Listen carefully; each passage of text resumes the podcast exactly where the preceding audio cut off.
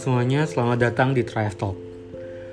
Ya, dalam episode kali ini kita akan bicara tentang gratitude atau rasa syukur. Ya, rasa syukur mungkin sering kali setelah apa yang kita lewatin atau apa yang sedang kita hadapin sekarang bisa jadi eh, rasa syukur ini merupakan suatu yang sulit gitu kayak sulit kita temukan, sulit kita jalankan, bahkan kita nggak tahu kenapa kita harus bersyukur. Tapi dalam episode kali ini mungkin kita akan coba melihat mengapa sih kita harus bersyukur dan kita bisa lihat betapa besar sebenarnya kekuatan dari rasa syukur itu sendiri gitu. Nah, untuk memulai itu mungkin kita akan memulai dengan ada sebuah cerita pendek yang bisa jadi renungan kita bersama. Ya, ceritanya adalah uh, di suatu tempat di suatu waktu ada sebuah kisah tentang satu anak laki-laki yang buta. Ya, setiap hari anak laki-laki yang buta ini duduk di pinggir jalan di deretan gedung-gedung tinggi. Ya, di lingkungan di lingkungan mungkin di lingkungan kantor-kantor, di lingkungan di mana uh, banyak aktivitas di situ. Ya, dia tanpa berdaya meletakkan sebuah topi di depannya setiap hari sambil memegang sebuah papan yang bertuliskan, "Oh ya, aku buta, tolong bantu aku." Ya. Kehidupan yang kayak gitu dia jalanin setiap harinya dan setiap akhir hari mungkin hanya bisa ditemukan beberapa recehan yang ada di dalam topinya itu. Ya rata-rata juga hanya recehan bekas kembalian dari orang-orang yang melintas dengan tergesa-gesa ya orang-orang kantor pejalan kaki yang memang sekedar melintas lihat dia dan kebetulan mempunyai uang receh ya diberikan kepada dia. Nah suatu waktu siang hari ada seorang yang melintas. Ya dia melihat bocah ini duduk dan ya seperti orang lainnya dia mengeluarkan beberapa pecahan uang kecil dan meletakkan di dalam topi itu. Ya sambil terus melihat bocah ini Ya tanpa berkata apa-apa, ia meminta izin untuk meminjam papan yang anak laki-laki itu pegang. Dan ya papan bertuliskan, aku buta tolong bantu aku itu.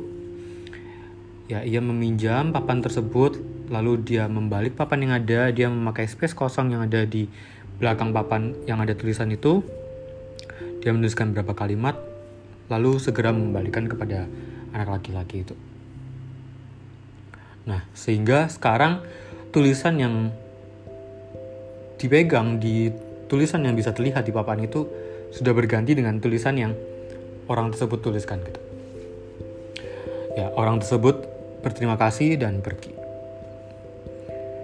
Ya, hari itu berlalu seperti biasa.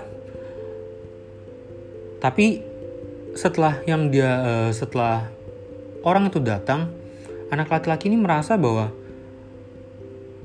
kok kayaknya lebih banyak orang yang datang dan uh, memberikan uang di topi itu gitu. Ya bahkan setelah hari itu lewat di sore hari uh, ketika uh, jalanan udah mulai sepi dia nggak dia sadar bahwa topi yang dipegang ini sekarang sudah mulai terasa terisi penuh gitu. Ya dia ngerasa bahwa lebih banyak orang yang melintas membaca mungkin dan memberikan uang gitu. Ya.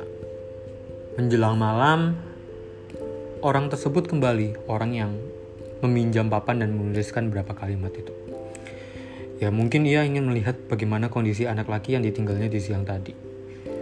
Ya, anak laki-laki itu mendengar langkah orang ini, oh, dan dia mengenal gitu langkahnya. Berkata dia dengan berkata dengan penuh hati-hati, apakah Tuhan yang meminjam papan saya tadi? Apa yang Tuhan lakukan? Apakah Tuhan mengganti tulisannya? Apa yang Tuhan tulis gitu? Anak laki-laki itu benar-benar dengan penuh penasaran dan dalam hatinya penuh rasa syukur gitu. Karena ya berkat orang ini, entah apakah apa pun itu yang dia tulis, dia sekarang bisa mendapatkan hasil yang lebih banyak daripada biasanya. Ya, seorang tersebut berkata dengan ringan, "Oh, ku hanya menuliskan beberapa fakta kok dan kamu menuliskannya hanya dengan cara yang sedikit berbeda jadi nggak beda dari apa yang sebelumnya ada di situ gitu ya aku cuma nulis selamat menikmati hari yang indah ini meskipun aku tidak bisa melihatnya. Jadi itu yang ada tuh sekarang di papan itu gitu. Ya, kalau kita lihat sebenarnya kedua tulisan di papan mengatakan sesuatu keadaan yang ada gitu. Nyata dan memang faktanya kayak gitu. Ya, aku buta, tolong bantu aku dan selamat menikmati hari yang indah ini meskipun aku tidak bisa melihatnya. Sebenarnya dua-duanya adalah mengatakan bahwa ya, aku buta. Namun kalau kita lihat uh, papan pertama ini hanya fokus pada kondisi dari anak laki-laki yang buta ini gitu. Sedangkan tulisan yang kedua ini sedikit uh, memberikan pengingat sedikit memberikan ajakan kepada orang yang melintas untuk belajar bersyukur dengan keadaan yang mereka punya gitu. Ya, sering kali kita di hidup ini mungkin sama dengan orang-orang yang melintas. Ya, sering kali hidup kita ini cuma fokus dengan masalah yang ada di depan mata ya kita. Ya, mulai dari masalah kantor, keluarga, hidup, dan masalah-masalah lain yang selalu ada di sekitar kita gitu. Masalah-masalah itu akan selalu ada di depan kita ya kita sering kali terlalu fokus dengan hal negatif. Seringkali kita juga lupa untuk begitu banyak hal yang baik yang sebenarnya masih bisa kita rasakan masih bisa kita nikmatin walaupun mungkin ya kita dihadapkan dengan tekanan gitu. Bahkan yang lebih parah lagi di tengah-tengah kesibukan kita sekarang gitu. Ketika momen gembira itu datang ketika kita dihadapkan dengan sesuatu yang cukup baik yang bisa kita rasakan sering kali kita jadi menyia-nyiakannya gitu. Ya kita cuma sekedar menikmatinya ya membiarkan momen-momen bahagia itu sekedar lewat ya bahkan ya kesannya adalah seakan-akan kita sudah bersiap-siap buat susah lagi gitu. Ya kita lupa untuk belajar bersyukur dan menikmati apa yang kita punya. Ya rasa bersyukur itu adalah sesuatu kebiasaan yang harus kita bangun ya kita harus apresiasi apa yang kita punya dan belajar untuk melihat sisi positif di tengah kesusahan yang kita hadapin. Ya kita nggak hanya fokus pada masalah yang ada tapi kita juga percaya bahwa segala kemungkinan yang baik itu masih mungkin terjadi dan masih akan selalu terjadi. Bersyukur itu juga bukan untuk orang lain.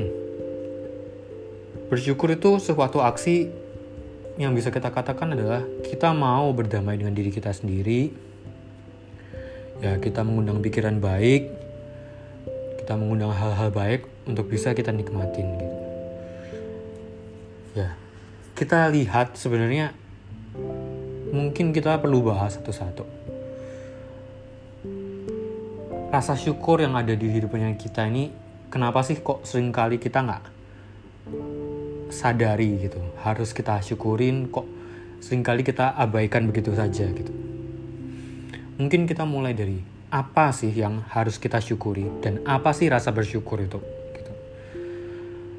Ya gratitude atau rasa syukur itu merupakan sebuah apresiasi buat segala sesuatu yang terjadi di hidupnya kita. Bisa jadi itu tentang ya kesehatan yang kita punya diri kita sendiri. Bisa jadi dengan lingkungan yang kita hadapin ya mungkin tempat kerja yang nyaman keluarga yang ya caring segala macam. Bahkan mungkin juga hal-hal kecil hal-hal yang ada di hidupnya kita. Mungkin kita bisa punya waktu buat nonton film yang kita suka kita bisa punya waktu buat beristirahat. Banyak hal gitu. Jika kita mau sebutkan satu-satu sebenarnya rasa syukur itu merupakan apresiasi terhadap semua hal yang ada di hidupnya kita gitu. Bahkan ya kalau kita bicara tentang rasa syukur harusnya bahkan dari ras momen-momen sulit ketika kita momen-momen kita harus belajar rasa syukur itu perlu ada bahwa kita harus yakin bahwa rasa-rasa syukur rasa-rasa syukur untuk hal-hal berat yang kita hadapin ini sebenarnya hanya menjadi sebuah persiapan buat diri kita untuk menghadapi untuk bisa menjadi lebih kuat gitu. Ketika kita udah tahu apa itu rasa syukur, jika kita mau lihat lagi lebih dalam bahwa sebenarnya hal-hal yang dipengaruhi dari gratitude atau rasa syukur ini begitu banyak gitu. ketika kita belajar bersyukur secara nggak langsung kita ini membuat uh, diri kita ini lebih tenang dan ini mengaruhi sisi psikologisnya kita atau yang mungkin yang sering kali kita sebut sebagai well-being ya ketika kita merasa cukup kita merasa berdamai dengan apa yang kita punya secara uh, dalam hati kita ini kita merasa nyaman kita merasa tenang dan ketika kita udah merasa nyaman tenang sisi psikologis kita ini membuat kita uh, mampu untuk menunjukkan aktualisasi dirinya kita kayak gimana. Aktualisasi aktualisasi diri yang kayak gimana sih? Ya mulai dari rasa bahagia, lalu juga ngerasa bahwa apa yang dikerjakan itu berhasil, ngerasa bahwa hidup ini cukup, merasa hidup ini berarti, dan ya ketika ini sudah semua udah terpenuhin, otomatis gitu. Secara otomatis produktivitasnya kita pasti akan meningkat jadi ini sebuah lingkaran yang sebenarnya sebuah lingkaran yang saling mempengaruhi gitu ketika kita bisa rasa bersyukur yang pasti adalah kita nggak mungkin menutup satu hari itu merasa bahwa oh ya hidup ini kok hari ini kayaknya aku nggak ngapa-ngapain gitu ya. hari ini kok aku kayaknya gak guna banget gitu karena kita udah merasa kita bisa bersyukur dan kita bisa uh, melihat sisi positif dan kita bisa memulai sesuatu yang lebih baik lagi. Nah, selanjutnya adalah apa dan kapan kita harus bersyukur. Ini sebuah pertanyaan yang terdengar receh gitu, kayak apa dan kapan ya ya kalau mau aku mau bersyukur aja lah aku bersyukur gitu ternyata nggak sederhana itu gitu sering kali ya itu tadi dari mungkin dari refleksi cerita refleksi yang tadi kita sudah ya renungkan bersama bahwa sering kali bahkan ketika kita menjalankan aktivitas kita sering kali rasa bersyukur ini cuma jadi sebuah momen sekedar lewat dan kita sedikit menyia-nyiakannya gitu. Rasa syukur itu sebenarnya nggak memandang besar kecilnya hal. Ya kita bisa bilang menang lotre sama kita bisa bangun di pagi hari itu sebenarnya satu hal yang sama-sama harus kita syukuri. Nggak ada yang bilang oh ya rasa syukur yang ini lebih besar rasa syukur yang ini lebih kecil gitu. Rasa syukur itu nggak memandang besar kecilnya hal. Ya, rasa syukur itu juga berarti kita nggak membandingkan apa yang kita punya, apa yang kita berhasil miliki dan capai dengan apa yang orang lain miliki dan capai. Kenapa gitu? Rasa syukur ini adalah kembali lagi tentang apa yang kita hadapin dan tentang apa yang kita rasakan. Berarti rasa syukur ini akan melekat pada dirinya kita masing-masing. Setiap orang bisa berbeda, setiap orang bisa uh, menikmatinya secara berbeda dan setiap orang bisa menghadapinya secara berbeda. Ya kita tahu bahwa setiap orang ini memiliki kebutuhan yang berbeda. Ya, dengan arti bahwa ketika mereka punya kebutuhan orang eh, kebutuhan yang berbeda-beda, berarti mereka juga punya kebahagiaannya masing-masing. Ya, mereka juga punya waktunya masing-masing. Jadi ini yang perlu diingat adalah jangan pernah rusak rasa syukur atau kebahagiaan kita itu dengan kita membandingkan diri dengan orang lain kita nggak pernah bisa pakai alasan ya ah kayaknya aku gini-gini aja gitu. Ah kayaknya dia kok lebih baik daripada aku. Itu bukan sebuah alasan yang bisa kita gunakan ketika kita bicara tentang rasa syukur. Kita juga nggak pernah tahu apa yang orang lain hadapin. Kita hanya tahu bahwa hidup ini yang kita jalanin itu kita yang atur kita yang punya kita yang rasakan. Jadi stop sampai di situ dan ya kita mesti belajar bersyukur dari apa yang kita punya. Selalu ada hal-hal yang kita bisa syukuri. Kalau kita nggak bisa menemukan, ya istilahnya kita nggak bisa nemu apa ya kayaknya kalau ngomong rasa syukur kok kayaknya hidup aku susah banget kayaknya nggak ada yang bisa disyukurin deh. Nah artinya ini kita terlalu memfokuskan diri pada hal-hal negatif yang ada di diri kita. Ya perlu diingat bahwa kita tahu salah satunya tadi adalah ketika kita bersyukur produktivitasnya kita ini bisa terbantu dalam arti hati-hati ketika kita nggak bisa melihat sesuatu untuk disyukuri ini bisa menghambat kita buat maju bahkan sering kali rasa ke kehilangan kemampuan untuk bersyukur ini ya bisa membuat kita semakin terpuruk dan kita nggak bisa melihat sesuatu lebih secara dari sudut pandang yang positif gitu. Nah, satu pertanyaan lagi yang mungkin kalau kita tanyakan sebenarnya semakin aneh gitu adalah bagaimana sih rasa bersyukur gitu. Ya, mungkin ini jadi pertanyaan yang buat kita sederhana tapi juga sulit buat dijelaskan gitu. Ada salah satu cara untuk melihat uh, untuk bisa membantu kita belajar untuk mengekspresikan rasa syukur Mungkin itu yang kita sering sebut dengan ya diary atau journaling. Ketika kita berusaha menulis, kita berusaha mengingat, kita berusaha merefleksikan apa yang sudah kita jalanin, ini bisa membantu kita buat melihat begitu banyak hal yang sebenarnya udah terjadi dan banyak hal juga yang sebenarnya bisa kita syukurin gitu. Nah, rasa syukur atau uh, dengan kita menuliskan, dengan kita mengingat perjalanan hidupnya kita ini dan kita belajar untuk mengekspresikan rasa syukur ini ini bisa kembali lagi membantu kita lebih optimis ya kita lebih bersemangat otomatis juga sehat secara fisik dan jasmani kita secara pikiran dan ya mentalnya kita juga. Jadi sebenarnya rasa syukur ini mungkin adalah seperti kita berolahraga. Rasa syukur ini sesuatu yang harus dilatih. Ya mungkin kita bisa mulai dari sebelum kita tidur kita bisa coba melihat atau mengingat-ingat apa sih hal baik yang bisa kita syukurin dari hari ini. Mungkin kita bisa mulai dari hal-hal kecil dan kita mungkin bisa ya sekedar mungkin oh ya uh, aku mau sebutkan tiga hal baik sebelum kita uh, sebelum kita tidur. Aku mau sebutkan tiga hal baik yang bisa yang sudah aku jalanin hari ini gitu kita bisa coba mengingat-ingat itu kita coba bisa mencoba merefleksikan itu. Ya sekali lagi tanpa peduli besar atau tidaknya hal yang kita hadapin itu juga nggak peduli terhadap penilaian orang lain karena rasa syukur itu tentang diri kita sendiri. Dan harapannya adalah ketika kita bisa melakukan ini kita bisa sadar bahwa perjalanannya kita ini unik.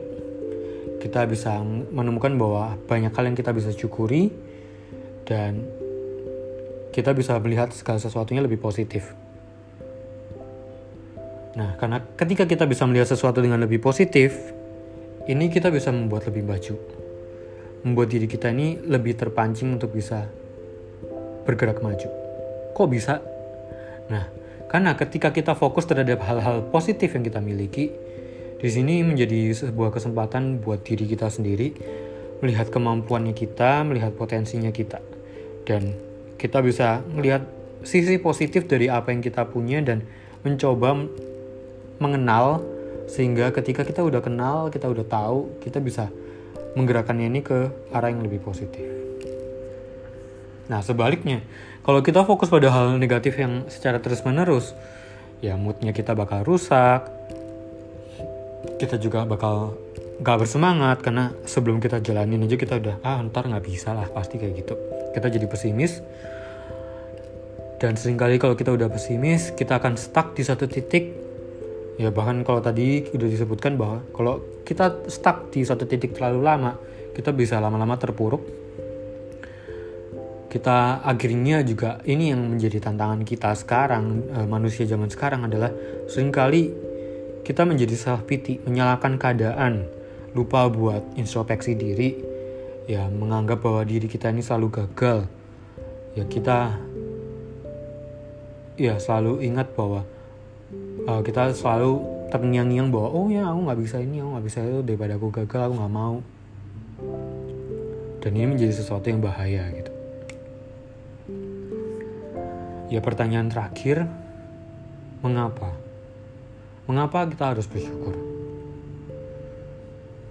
Ya, ketika kita bicara tentang mengapa, ini kita akan bicara tentang objek-objek atau subjek-subjek yang ada di sekitar kita yang menjadi alasan kenapa kok kita perlu bersyukur. Ya mungkin dari hal-hal paling sepele dan hal-hal paling dekat dengan kita ya mungkin dari orang-orang yang ada di sekitar kita bisa teman bisa keluarga bahkan orang-orang yang mungkin baru kita kenal atau orang-orang yang mungkin yang ya kita nggak kenal tapi kita bertemu di tengah jalan dan orang itu memberikan sesuatu kepada kita atau kita memberikan sesuatu kepada dia gitu. Terus juga kita juga bisa bicara tentang hal-hal yang kita miliki. Ya mungkin baik yang hidup seperti mungkin binatang peliharaan, bahkan benda-benda mati gitu, barang-barang yang kita sukai, mulai dari handphone, sosial media mungkin, banyak hal gitu. Dan yang pasti yang nggak uh, lupa untuk kita bisa syukuri adalah situasi, pengalaman, kesempatan, kejadian-kejadian penting, memori yang kita punya. Bahkan sekecil apa pun memori itu atau sekecil apa pun pengalaman itu itu bisa berarti buat kita gitu. Ya akhir kata sebelum menutup sesi podcast kali ini ya kita bisa sadari bahwa kesusahan itu pasti ada ya masalah itu pasti ada tantangan itu pasti ada dalam hidup kita tapi kita harus percaya bahwa begitu juga dengan hal baik itu. Hal baik itu juga pasti ada, selalu ada di hidup kita. Mungkin kita perlu ingat bahwa setiap waktu di tengah kesibukan yang kita miliki, ya pekerjaan kita hadapi, situasi keluarga, rumah tangga, eh, teman, apa pun itu, kita harus miliki kesempatan waktu untuk bertanya pada diri sendiri gitu Sudahkah aku bersyukur untuk apa yang aku punya saat ini? Ya, sebuah pertanyaan ini harus selalu kita ingat, harus rajin untuk kita tanyakan kepada diri kita sendiri.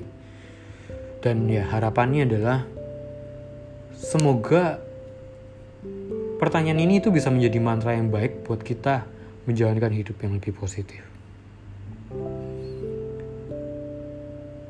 Sekian untuk sesi podcast kita kali ini di tengah keadaan yang kita hadapin sekarang, ya kiranya apa yang kita bahas, apa yang kita dengar di sesi kali ini bisa menjadi sebuah pengingat buat kita bahwa kita punya kesempatan, kita punya begitu banyak hal yang bisa kita syukuri, dan kiranya rasa syukur ini bisa membantu kita menjadi diri yang lebih baik menghadapi situasi yang kita punya ini dengan lebih baik dan kita bisa terus maju di dalamnya. Sampai jumpa di podcast di seri-seri berikutnya. Tetap bersemangat.